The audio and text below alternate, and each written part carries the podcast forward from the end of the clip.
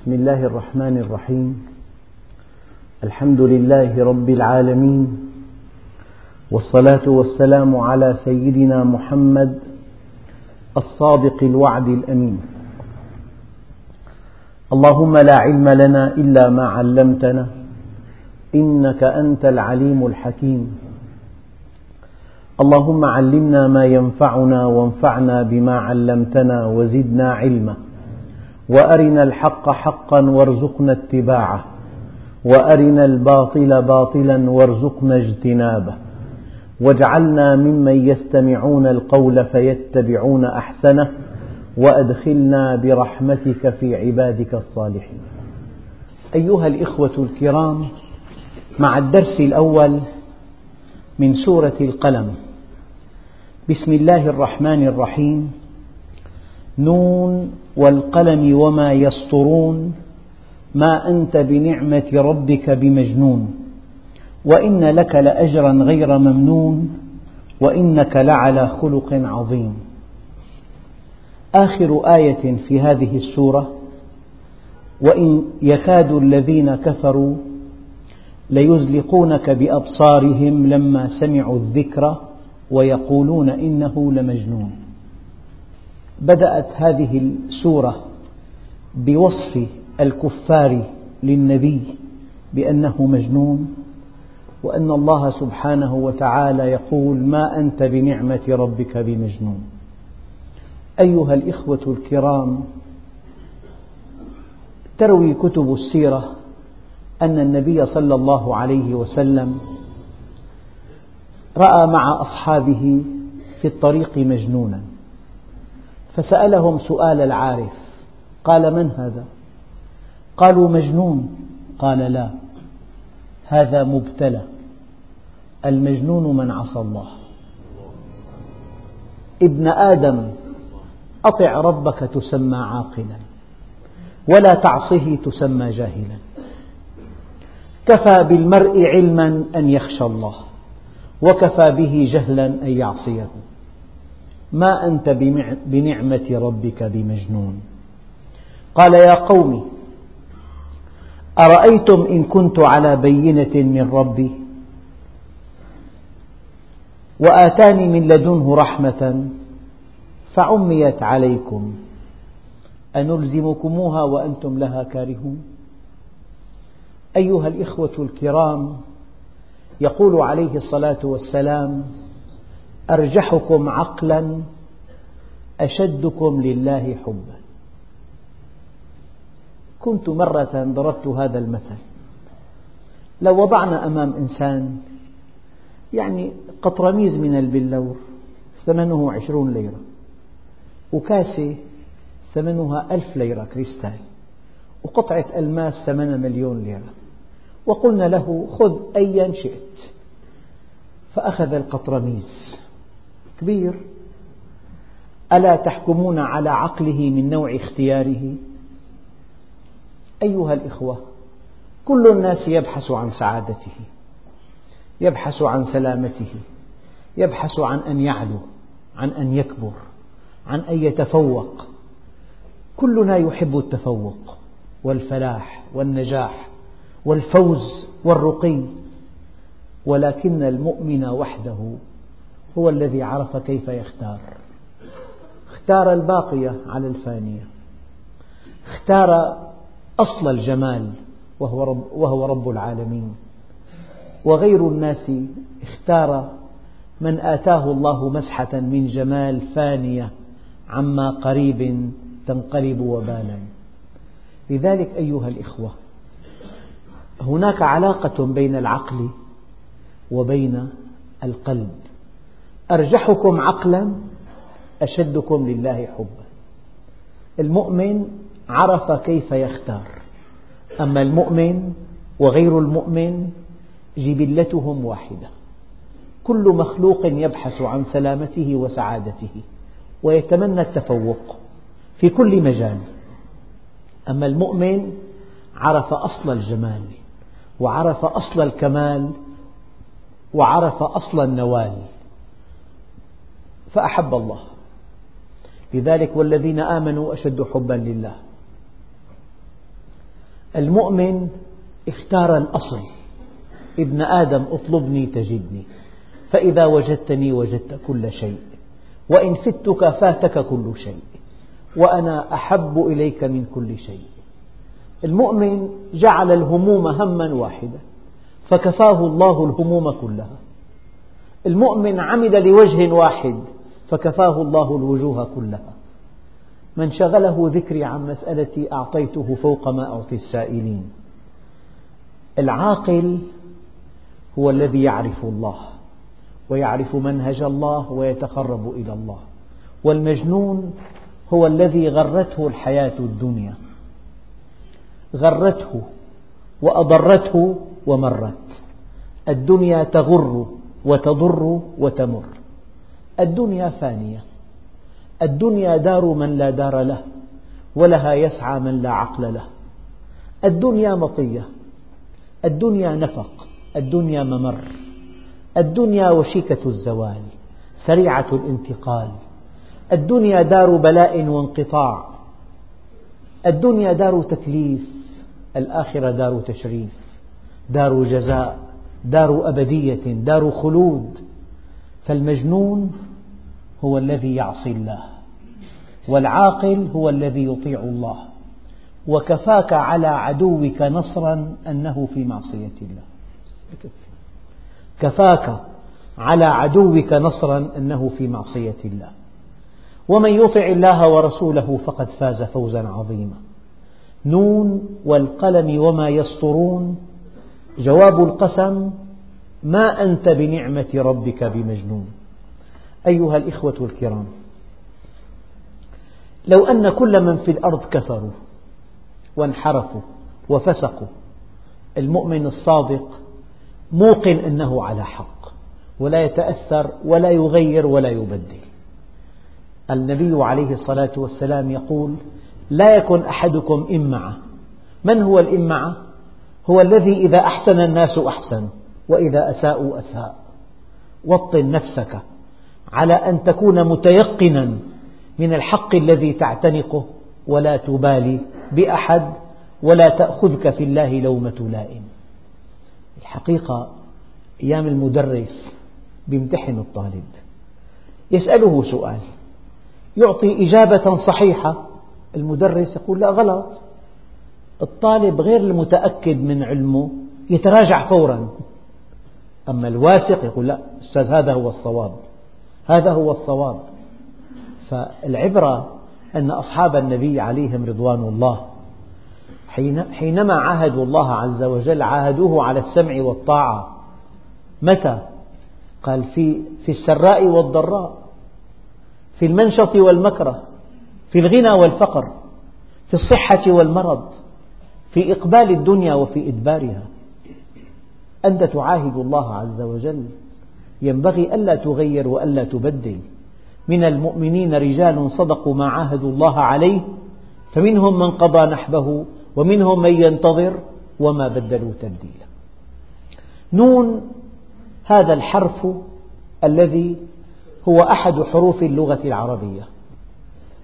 والقلم الواو واو القسم والله سبحانه وتعالى أقسم بالقلم والقسم إذا صدر عن الله عز وجل له معنيان.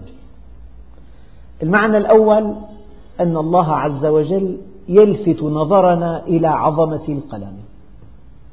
القلم يعني العلم العلم المكتوب الذي ينتقل من إنسان إلى إنسان ومن بلد إلى بلد. ومن جيل إلى جيل ومن قارة إلى قارة. لولا الكتابة لما انتقل العلم من إنسان إلى آخر. ولا من جيل إلى جيل ولا من بلد إلى بلد ولا من قارة إلى قارة. يعني كأن الله سبحانه وتعالى يقول العلم قوام حياة الإنسان. لأن الله جل جلاله في سورة الرحمن يقول الرحمن علم القرآن خلق الإنسان علمه البيان. جاء تعليم القرآن قبل خلق الإنسان. هذا الترتيب رتبي. بمعنى أن وجود الإنسان من دون منهج لا معنى له. لا قيمة له إطلاقا بربكم. لو أن أحدكم اشترى آلة غالية الثمن جدا عظيمة النفع جدا معقدة جدا استخدمها من بلد المنشأ ولم يرسل إليه تعليمات التشغيل والصيانة فإن أعملها بلا علم أتلفها وإن لم يعملها جمد ثمنها في مثل هذه الحالة النادرة أليست تعليمات الصانع أهم من هذه الآلة؟ ماذا يفعل بها؟ قطعة أساس عبء عليه إن شغلها بلا علم أتلفها وإن خاف على سلامتها عطلها لذلك كتاب التعليمات يعد أهم من الآلة نفسها. من هنا قال الله عز وجل الرحمن علم القرآن خلق الإنسان علمه البيان فربنا سبحانه وتعالى يقسم بالقلم ليلفت نظرنا إلى قيمة العلم. الإنسان من دون قوة إدراكية هي سمعه وبصره وعقله. إن السمع والبصر والفؤاد الفؤاد مع السمع والبصر هو العقل إن السمع والبصر والفؤاد كل أولئك كان عنه مسؤولا. الإنسان من دون قوة إدراكية ومن دون أن يعمل هذه القوى الإدراكية دون الحيوان لأنه ما من حيوان إلا ويتفوق على الإنسان. إن في وزنه أو في حجمه أو في سرعة جريانه أو في طيرانه أو في قوة إبصاره أو في قوة شمه أو في قوة سمعه أو في حسن تملصه أو في قوة دفاعه. يعني ما في إنسان إذا قطعت يده تنمو له يد جديدة. حيوانات كثيرة إذا قطعت أحد أطرافها نما له نما طرف جديد من دون جهد. النسر يرى ثمانية أمثال الإنسان. الكلب يشم مليون ضعف عن شم الإنسان. هناك حيوانات تدرك الزلازل قبل أن تقع. الإنسان إذا عطل قواه الإدراكية ولم يعملها في طاعة الله صار كل حيوان أفضل منه. لذلك ربنا عز وجل أقسم بالقلم لأنه أداة العلم. أداة العلم المنقول المنقول. اللسان أداة العلم المسموع المشافهة. يعني مثلا الإمام الغزالي على علو قدره كان يحضر درسه درسه أربعمائة عمامة. عاش حياة طالت أو قصرت فلما انتهى انتهى درسه. ما الذي بقي من الغزالي؟ إحياؤه. بقي ألف عام. الإمام القرطبي كان له درس في حياته. ومات القرطبي وانتهى درسه. ماذا بقي؟ تفسيره.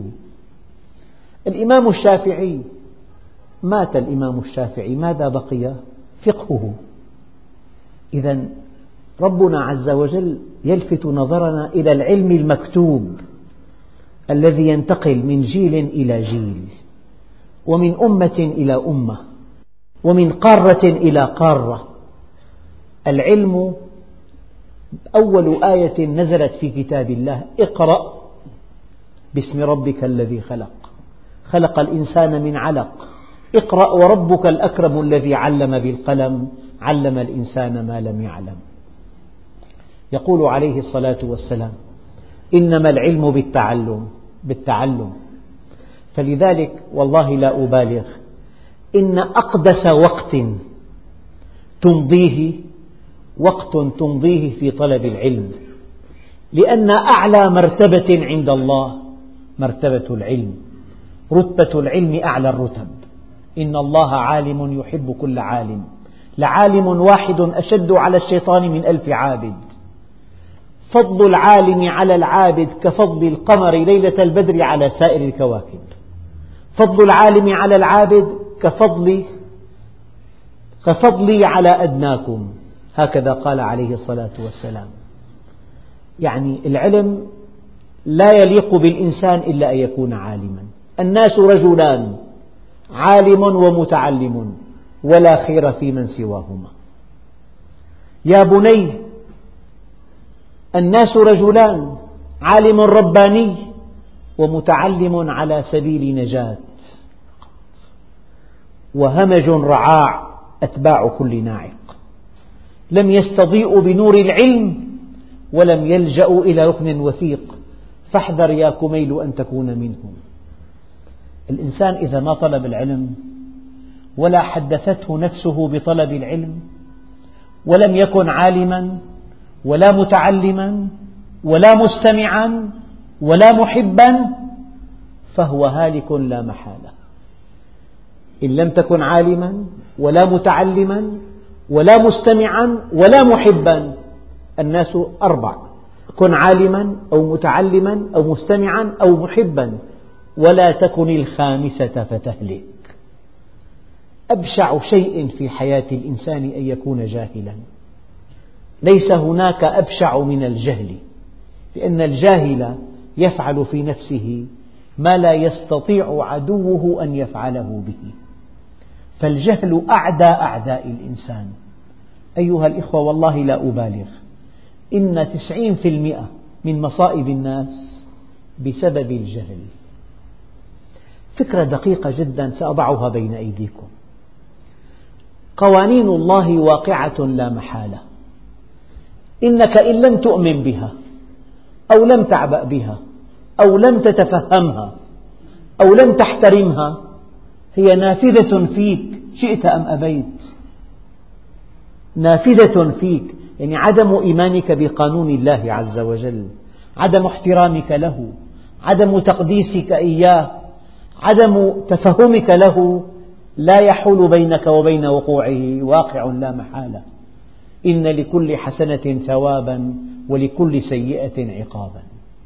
منهج الله تعليمات الصانع. فالذي ينطلق من حبه لذاته من فرط حبه لذاته يطبق تعليمات الصانع.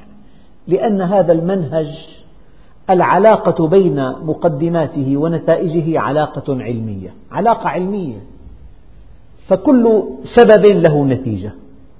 لذلك أيها الإخوة الإنسان إذا فكر قليلا ورد في الأثر القدسي أن الله لما خلق العقل قال أقبل فأقبل ثم قال أدبر فأدبر.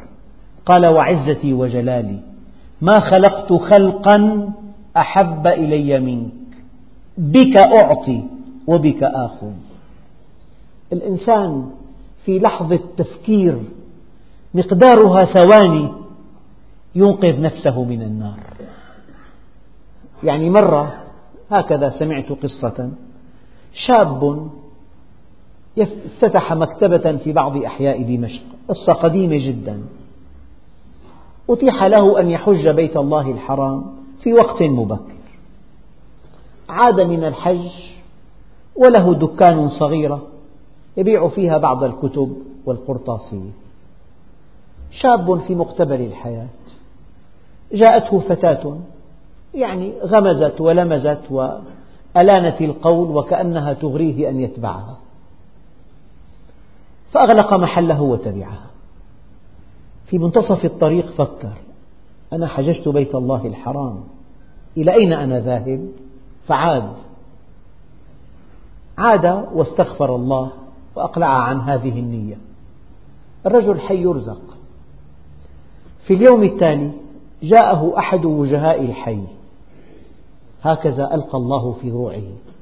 وسأله يا بني هل أنت متزوج؟ قال لا. قال عندي فتاة مناسبة لك. أرسل أهلك إلى البيت. ظن هذا الشاب أن في هذه الفتاة فيها علة منعت زواجها.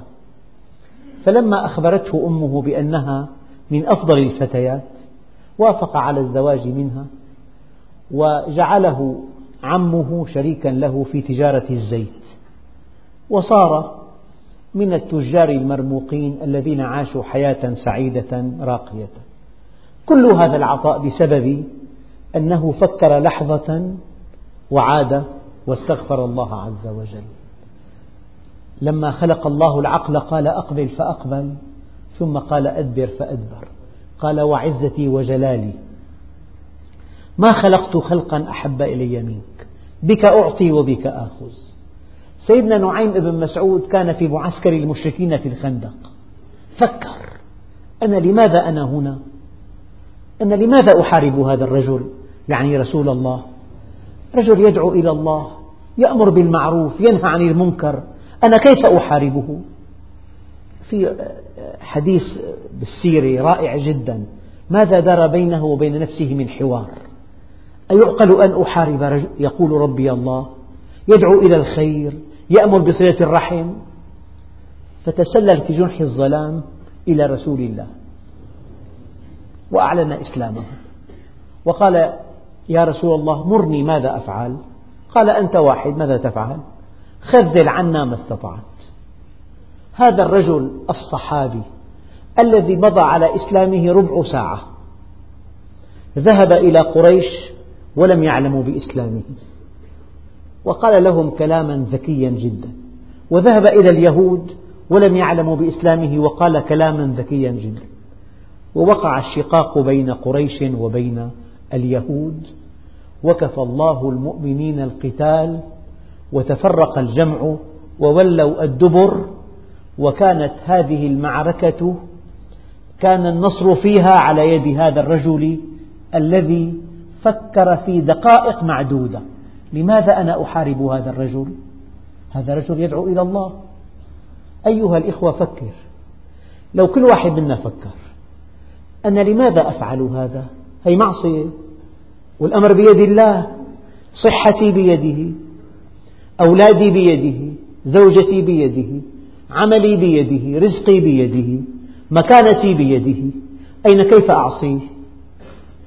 كيف أعصيه وأطلب رحمته؟ فكر بس. لحظة تفكير تغنيك عن عمل كثير. أيها الإخوة الكرام قوام حياتنا العلم. إذا أردت الدنيا فعليك بالعلم وإذا أردت الآخرة فعليك بالعلم وإذا أردتهما معا فعليك بالعلم. والعلم لا يعطيك بعضه إلا إذا أعطيته كلك فإذا أعطيته بعضك لم يعطك شيئا. يا بني العلم خير من المال. لأن العلم يحرسك. وأنت تحرس المال. والمال تنقصه النفقة والعلم يزكو على الإنفاق. سائق سيارة. أشارت إليه امرأة فوقف لها. صعدت مركبته. إلى أين يا أختي؟ قالت إلى أين تحب؟ إلى أين تريد؟ أذهب معك؟ فهم. وظن أن هذه غنيمة. وفرصة لا تتكرر. حقق مطلبه منها وأعطته فوق ذلك رسالة وظرفا فيه خمس خمسة آلاف دولار. بتعبير الجهلة شاف ليلة القدر. هو شاف جهنم الحمراء. فتح الرسالة سطر واحد مرحبا بك في نادي الإدز.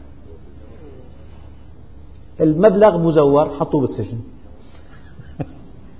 هذا لو أنه له درس علم لو أنه طلب العلم حينما تقول له خذني إلى أين تريد يفتح الباب ويركلها بقدمه ويحفظه الله.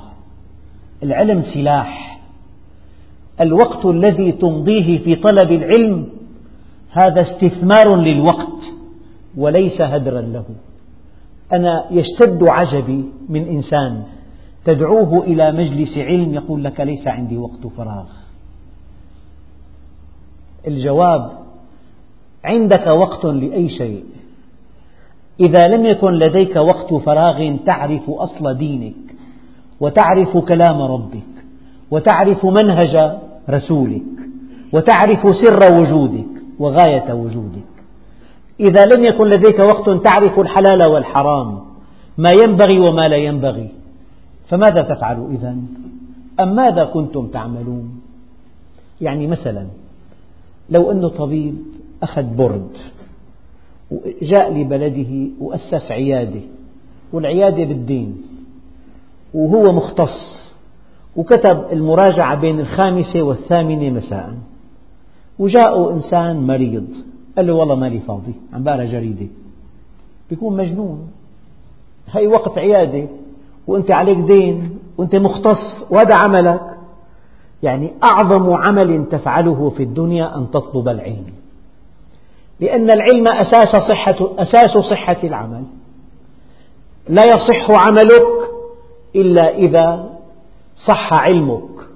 يصح العلم يصح العمل. العمل أساس السعادة والشقاء. فلذلك حينما أقسم الله بالقلم وبما وبنتائج القلم وما يسطرون الملائكة العلماء هذا القلم الذي هو أداة العلم وهذا الكتاب الذي هو مصدر العلم.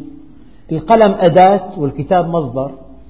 نون من هذا الحرف من هذه الحروف نظم القرآن. هو كلام الله. الحروف بين أيديكم. يعني مثلا البقرة تأكل الحشيش فتعطي الحليب. الدجاجة تأكل كل شيء تعطي بيضا في زلال في دسم في بروتين في 14 فيتامين في معادن في أشباه معادن. هل تستطيع أنت أن تحول الذي تأكله الدجاجة إلى بيض؟ هل بإمكانك أن تحول هذا الحشيش إلى حليب إلى لبن سائغ للشاربين؟ وهذه الحروف بين يديك. ألف ب ت ث ج ح خ إلى آخره. الحروف بين أيدينا. هل يستطيع الإنسان أن يصوغ كلاما ككلام الله عز وجل؟ نون والقلم وما يسطرون. جواب القسم ما أنت بنعمة ربك بمجنون. الإنسان أحيانا يبدو أبلها عند البله عند البله أما هو عند العقلاء عاقل. لذلك لا تصاحب من لا يرى لك من الفضل مثل ما ترى له. المؤمن صادق مخلص طالب علم لا تجالس الأغنياء الجاهلين. هؤلاء لا يقيمون لعلمك وزنا. ولا يعبؤون إلا بالدرهم والدينار. ماديون. يقيمون الناس في حجمهم المالي فقط. صاحب العلماء صاحب طلاب العلم صاحب الأتقياء صاحب الأنقياء صاحب المتواضعين صاحب الذي يدلك على الله حاله. يرقى بك إلى الله حاله ويدلك على الله مقاله. صاحب المؤمنين تقتبس من علمهم. ومن أخلاقهم ومن أحوالهم. لذلك طالب العلم عند المجانين مجنون. أما عند العقلاء عاقل. الآن في سؤال. هؤلاء الذين اتهموا النبي عليه الصلاة والسلام بالجنون. هؤلاء الذين اتهموا النبي عليه الصلاة والسلام بالجنون. اتهموه في حياته. لماذا؟ ربنا جل جلاله أثبت هذه التهم في قرآن يتلى إلى يوم القيامة. يعني واحد تكلم معك كلاما لا يليق بك. تكلم وانتهى الكلام والقضية طويت. ثبتناها بكتاب يتلى إلى يوم القيامة. ما أنت بنعمة ربك بمجنون. يا أيها الذي نزل عليه القرآن إنك لمجنون. لماذا أثبت الله هذه التهم في قرآنه الكريم الذي يتلى إلى يوم الدين؟ لماذا؟ النبي عليه الصلاة والسلام أسوتنا وقدوتنا. يعني كل من جاء بعد النبي إذا التزم الحق وعارضه أقرب الناس إليه عرضه من حوله اتهموه بالسفه والجنون له في رسول الله أسوة حسنة. لا تستوحش لا تقلق. سيد الخلق وحبيب الحق. سيد ولد آدم اتهم بالجنون. لا تعبأ من عرف نفسه ما ضرته مقالة الناس به. قل الله ثم ذرهم في غيهم يعمهون. المؤمن واثق من نفسه واثق من الحق الذي هو عليه واثق من أحقية منهجه. واثق من حتمية النصر له. الله عز وجل لن يتخلى عن المؤمنين. من ظن أو توهم أن الله لا ينصر دينه ولا ينصر رسله ولا ينصر المؤمنين أبدا ويقوي الكفرة والفجار تقوية دائمة فهو لا يعرفه. مستحيل مستحيل إنسان منحرف. يبدو قويا جدا. ينجح إلى ما لا نهاية. لا بد من أن يظهر الله آياته. لا بد من أن يظهر الله آياته في الحياة الدنيا. ماذا يقول الله عز وجل؟ إنا لننصر رسلنا والذين آمنوا في الحياة الدنيا. كلام رب العالمين. أي إنسان قام إلى إلى الله ليدعو إليه. فر إلى الله. ففروا إلى الله. اتجه إلى الله بإخلاص وبعزيمة وبصبر وبيقين من نصر الله. لا بد من أن يرى نتائج عمله في الدنيا أم في الآخرة. ما أنت بنعمة ربك بمجنون. لا تعبأ بكلام الناس. هلا الكلام ماذا يقول الناس؟ متزمت متقوقع. بعيد عن واقع الحياة. لا يعرف عن مباهج الدنيا شيئا. من بيته إلى مسجده. همه الكتاب والعلم. وواحد يقول لك هذا الطعام غير طيب. من تصدق؟ تأكلها أنت. تتذوقها. تنعم بها. يعني إنسان يسعد بقربه من الله. لو عارضه كل الناس لا يعبأ بكلامهم لأنه يذوق طعم القرب من الله عز وجل. ما أنت بنعمة ربك بمجنون وإن لك لأجرا غير ممنون. غير منقطع مستمر. يا علي لأن يهدي الله بك رجلا واحدا. خير لك من الدنيا وما فيها. والله أيها الإخوة لو كشف الغطاء لوجدت أقوى الناس في الدنيا. يتمنى أن يلقي كلمة حق في أذن إنسان. كلمة حق واحدة. لو أن أغنى إنسان في الدنيا كشف الغطاء. ومن أحياها فكأنما أحيا الناس جميعا. الدعوة إلى الله صنعة الأنبياء. والذين يبلغون رسالات الله ويخشونه ولا يخشون أحدا إلا الله. هؤلاء في أعلى مرتبة عند الله عز وجل.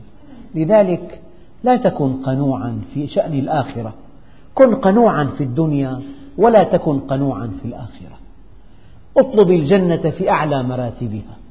قالت السيدة عائشة عن عبد الرحمن بن عوف أخشى أن يدخل الجنة حبوا. فقال والله لأدخلنها خببا. وما علي إن كنت أنفق مئة في الصباح فيؤتيني الله ألفا في المساء. لذلك الإنسان إذا عرف الله وعرف سر الحياة كما قال سيدنا علي له كلمة بس دققوا فيها. قال والله لو علمت أن غدا أجلي إيه ما قدرت أن أزيد في عملي. بأقصى سرعة منطلق هذا الوقت أثمن شيء تملكه هو الوقت. الوقت. بالوقت تطلب العلم. وبالوقت تصلي. وبالوقت تقرأ القرآن. وبالوقت تعلم القرآن. وبالوقت تأمر بالمعروف.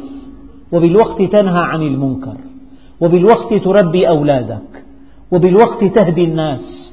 وبالوقت تعمل وتكسب قوت يومك. وبالوقت تسعد. وعاء الوقت وعاء العمل. الوقت رأس مالك الوحيد. احرص عليه. هلك المسوفون. لا تقل غدا أتوب غدا أفعل. افعل هذا اليوم.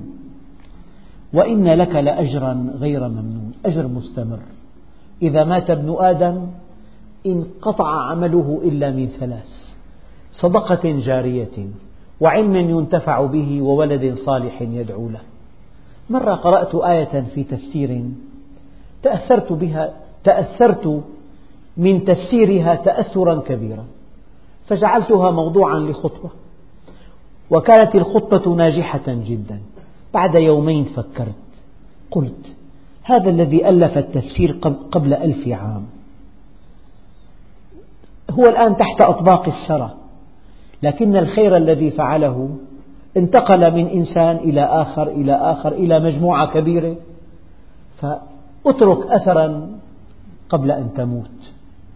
أترك أثرا قبل أن تموت.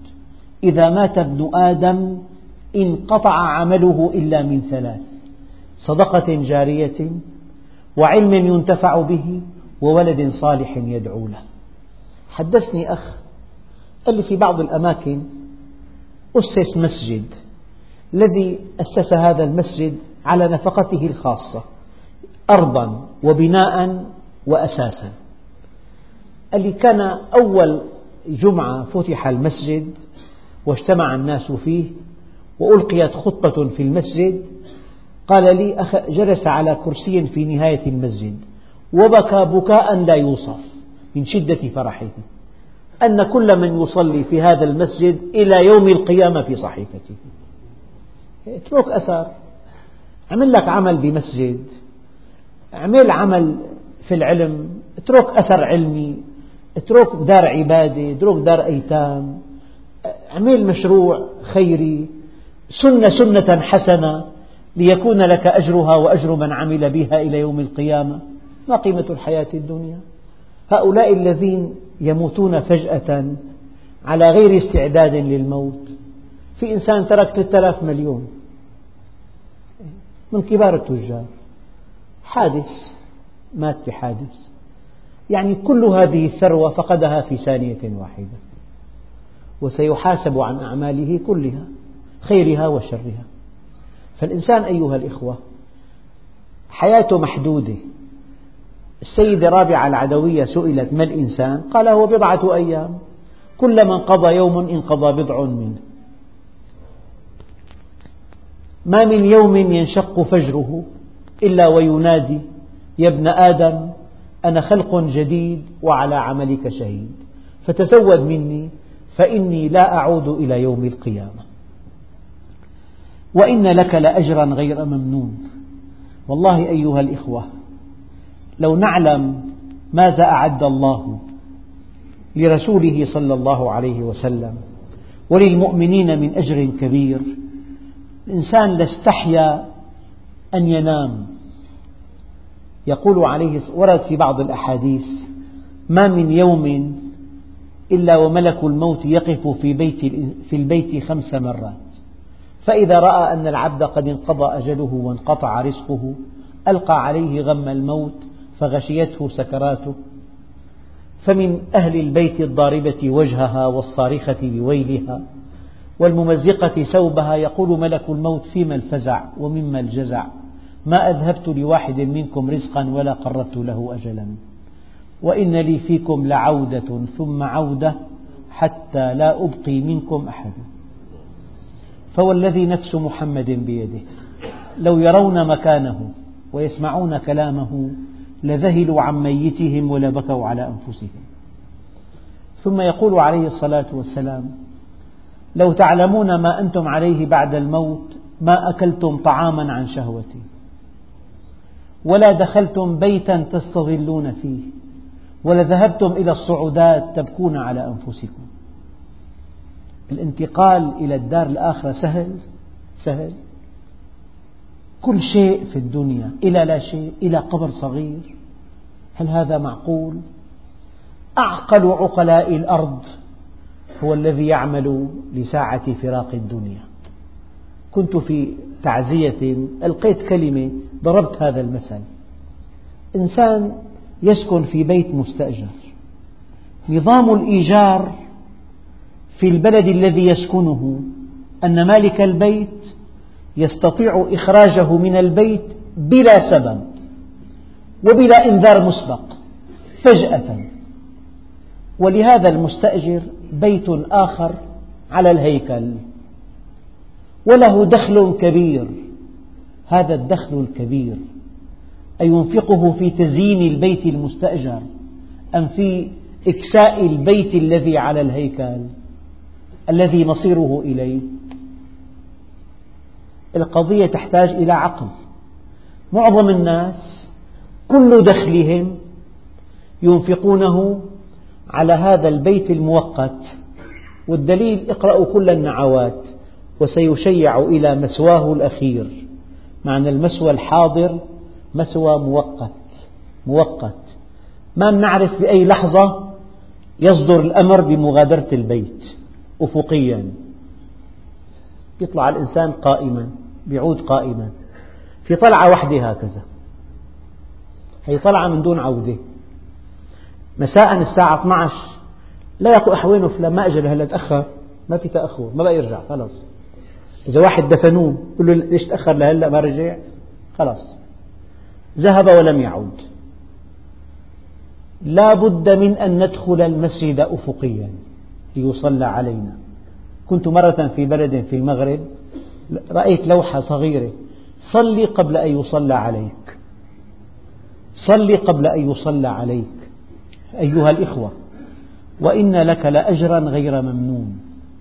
لذلك العقل في طاعة الله العقل في معرفة الله العقل يقتضي أن تفهم كلام الله العقل يقتضي أن تعمل بكلام الله.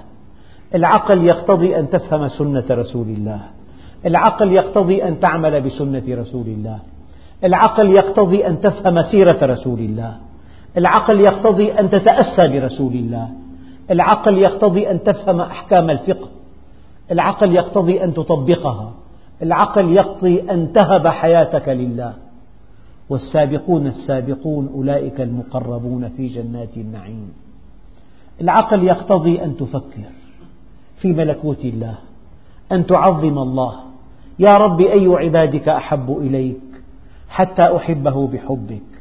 قال أحب عبادي إلي تقي القلب نقي اليدين لا يمشي إلى أحد بسوء. أحبني وأحب من أحبني وحببني إلى خلقي. قال يا رب إنك تعلم أني أحبك وأحب من يحبك. فكيف أحببك إلى خلقك؟